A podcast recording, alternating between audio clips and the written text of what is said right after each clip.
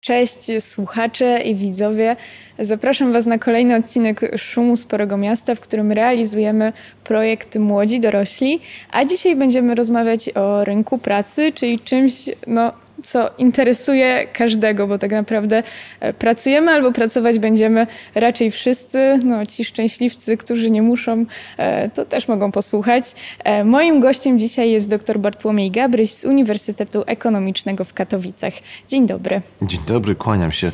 Z przyjemnością słuchałem tego wstępu, bo on zabrzmiał, że chcemy i będziemy. To jest bardzo ważny punkt wyjściowy. Tak, dokładnie. Chcemy pracować, no i mus jest mus, trzeba pracować. Ale chcemy, chcemy, dalej chcemy. To nie jest konieczność, to jest chcemy. Mhm. To przywilej. Nie ma co, to jest Dokładnie. Przywilej. Aczkolwiek chyba w tych naszych warunkach w tej chwili, jeśli chodzi o gospodarkę, e, gdy popatrzeć na te dane, które napływają z gospodarki, te całkiem świeże, jeśli popatrzymy na poziom bezrobocia, to okazuje się, że rzeczywiście odnalezienie się na rynku pracy w kategoriach tego, że szukamy czegoś, co jest e, wartościowe, co e, pozwala nam się utrzymać, chyba jest prostsze niż jeszcze kilka lat temu było.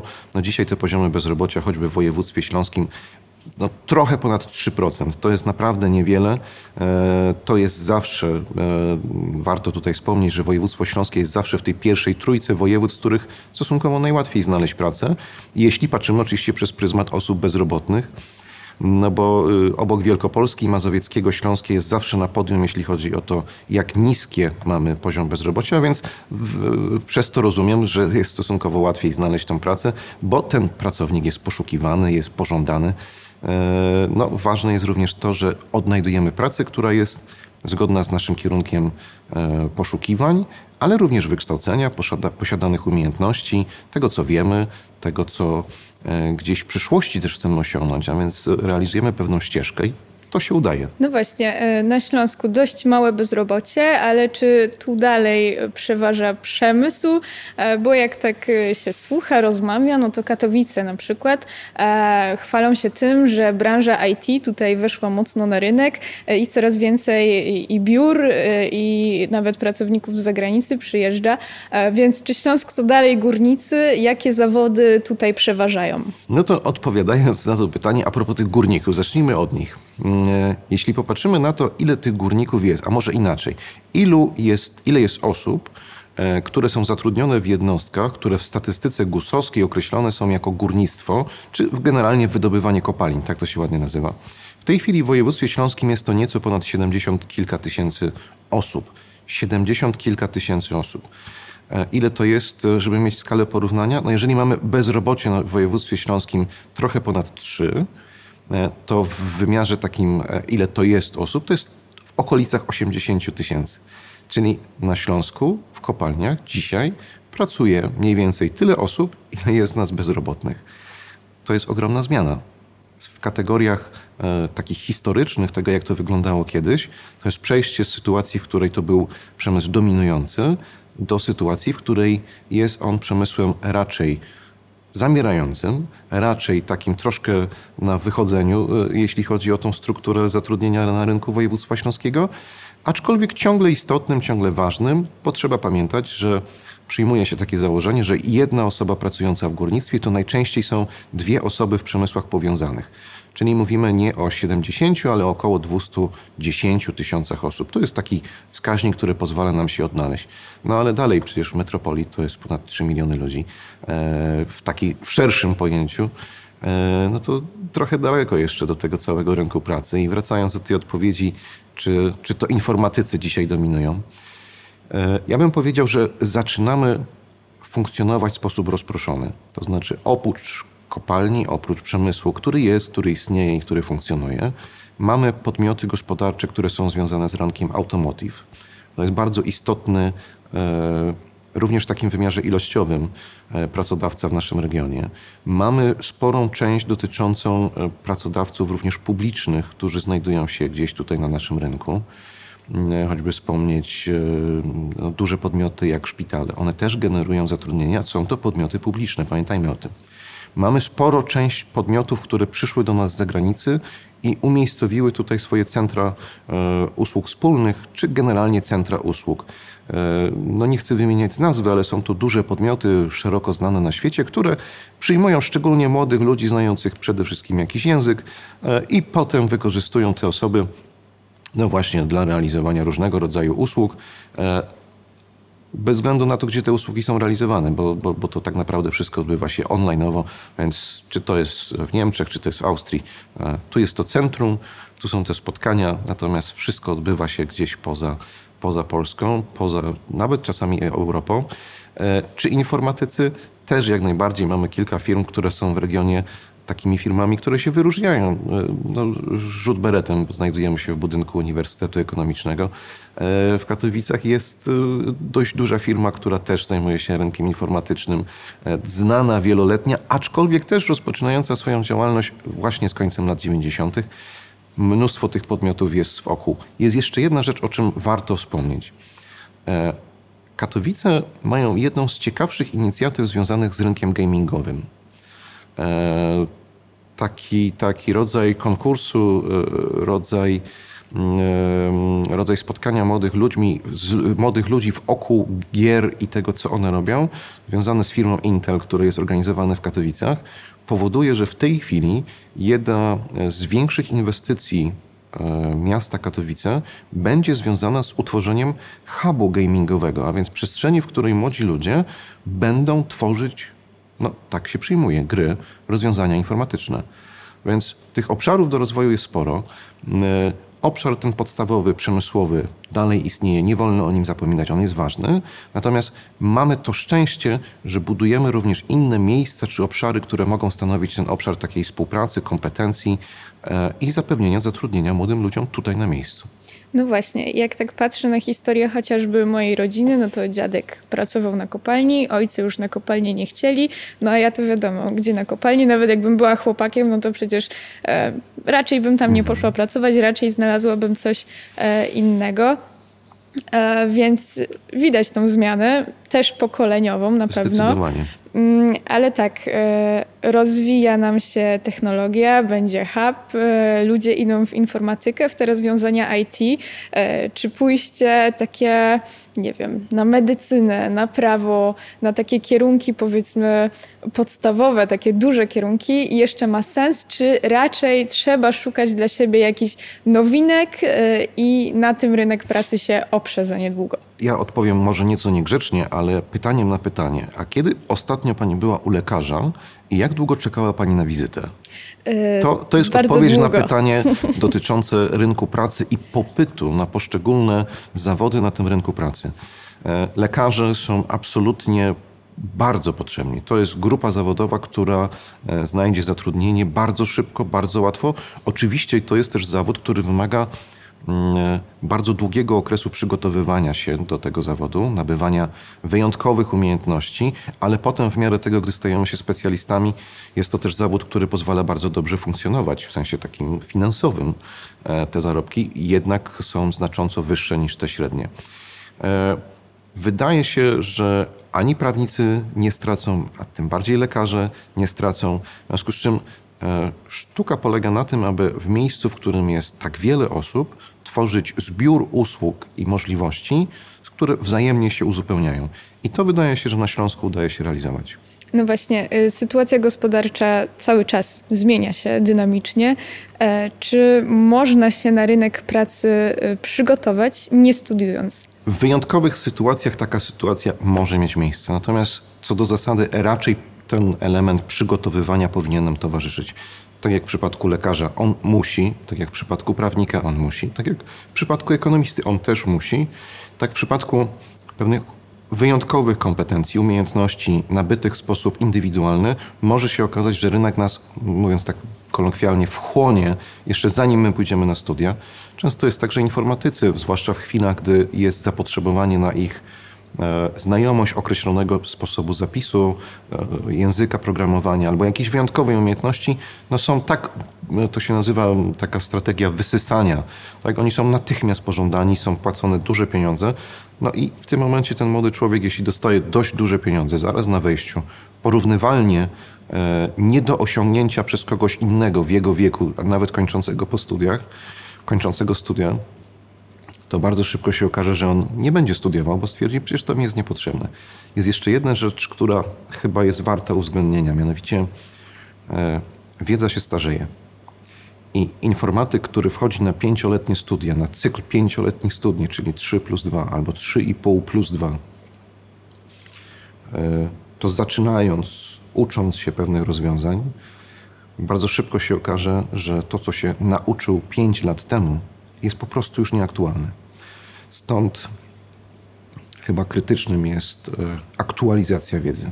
I ta wiedza, jeśli jest aktualna, ona jest pożądana przez rynek. A co w sytuacji odwrotnej? Czy da się wejść na rynek pracy od razu po studiach. Powiedzmy, ktoś nie pracował w trakcie studiów i dostaje dyplom, mhm. stara się o pracę. E, takie sytuacje są już, wydaje mi się, bardzo rzadkie. Czyli dotykamy sytuacji, w której świeżo jestem skończony, e, zamknąłem temat pod tytułem obrona pracy i wchodzę na rynek i zaraz się na nim odnajduję. I tak i nie. Jeśli sięgniemy do danych, no ja mam takie dane, które dotyczą osób, które ukończyły nasz uniwersytet. 2,5 miesiąca zajmuje zajęcie mniej więcej 75% osób, które kończą e, studia. To 75% z nich mniej więcej w trzecim miesiącu już odnajduje się na rynku pracy, realizując e, zawód, który jest zbieżny z tym, jaki proces kształcenia ich dotyczył. Więc to jest bardzo dobry wynik. Natomiast spora część tych osób w momencie, gdy jest na studiach, albo gdy powoli się zbliża do końca tych studiów, realizuje już różnego rodzaju zajęcia zawodowe, czy praktyki, czy staże, czy jakieś specyficzne kursy, czy uczestniczy już w rozmowach kwalifikacyjnych. Jeszcze raz chcę podkreślić, że to jest pewien proces. A więc jeśli podchodzimy do niego świadomie, jeśli go zaplanujemy, jeśli mamy wiedzę o tym, że to że ten moment przyjdzie, że to nie jest tak, że a teraz sobie postudiuję, postudiuję, a pracą będę się martwił, jak już skończę tylko odwrotnie. Studiuję po to, żeby kształtować cały zbiór moich umiejętności i kompetencji, które potem na rynku pracy się pojawią, to nie powinno być problemu z odnalezieniem się na tym rynku pracy. Oczywiście jest też pytanie o to, co studiuję, bo pewno będą takie kierunki, gdzie odnalezienie się na tym rynku pracy będzie trudniejsze, e, również ze względu na to, że zawód, w jakim się kształcimy, e, no, może mieć określoną albo wręcz limitowaną podaż na rynku. Nie wiem, bibliotekarzy. Liczba osób, które mogą zajmować się biblioteką jest ograniczona liczbą bibliotek, jaką mamy w regionie. W związku z czym, jeśli wypuścimy zbyt wiele osób, które mają takie kompetencje, to one muszą czekać, aż nadejdą jakieś odejście naturalne tych osób e, pracujących w bibliotekach, żeby mogły w te, wejść, w te miejsca się e, odnaleźć, czy w te miejsca na nowo wejść. E, więc e, specyfika wykształcenia, ale co do zasady, jeśli traktujemy to jako przygotowanie na wejście na rynek, to powinno się udać w miarę szybko. A humaniści mają gorzej, jak zwykle.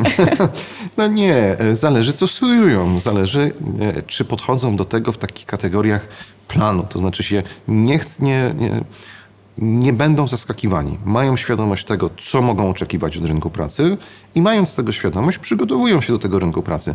E, humaniści są potrzebni jak najbardziej. No to bardzo dobrze, to się bardzo cieszę. E, czy Śląsk, e, jeżeli chodzi o rynek pracy, to jest taka perełka albo świecący po prostu region na tle Europy, czy w innych regionach też normalnie znajdziemy pracę, nie będzie problemu? Polska co do zasady w tej chwili ma bardzo niski poziom bezrobocia. No, okolice 5, 5 po przecinku z groszem, więc jest to bardzo niski poziom. Pamiętajmy, że również wśród młodych osób e, ten poziom bezrobocia jest, jest, jest, jest niski. E, o ile pamiętam, e, w województwie mm, śląskim osób wśród osób zarejestrowanych jako bezrobotne, osób z wyższym wykształceniem mamy rząd wielkości 7-8%. Więc w tej grupie osób bezrobotnych to jest bardzo niewiele. Zatem wykształcenie przyczynia się do tego, że odnajdujemy się na rynku pracy. Czy akurat na Śląsku?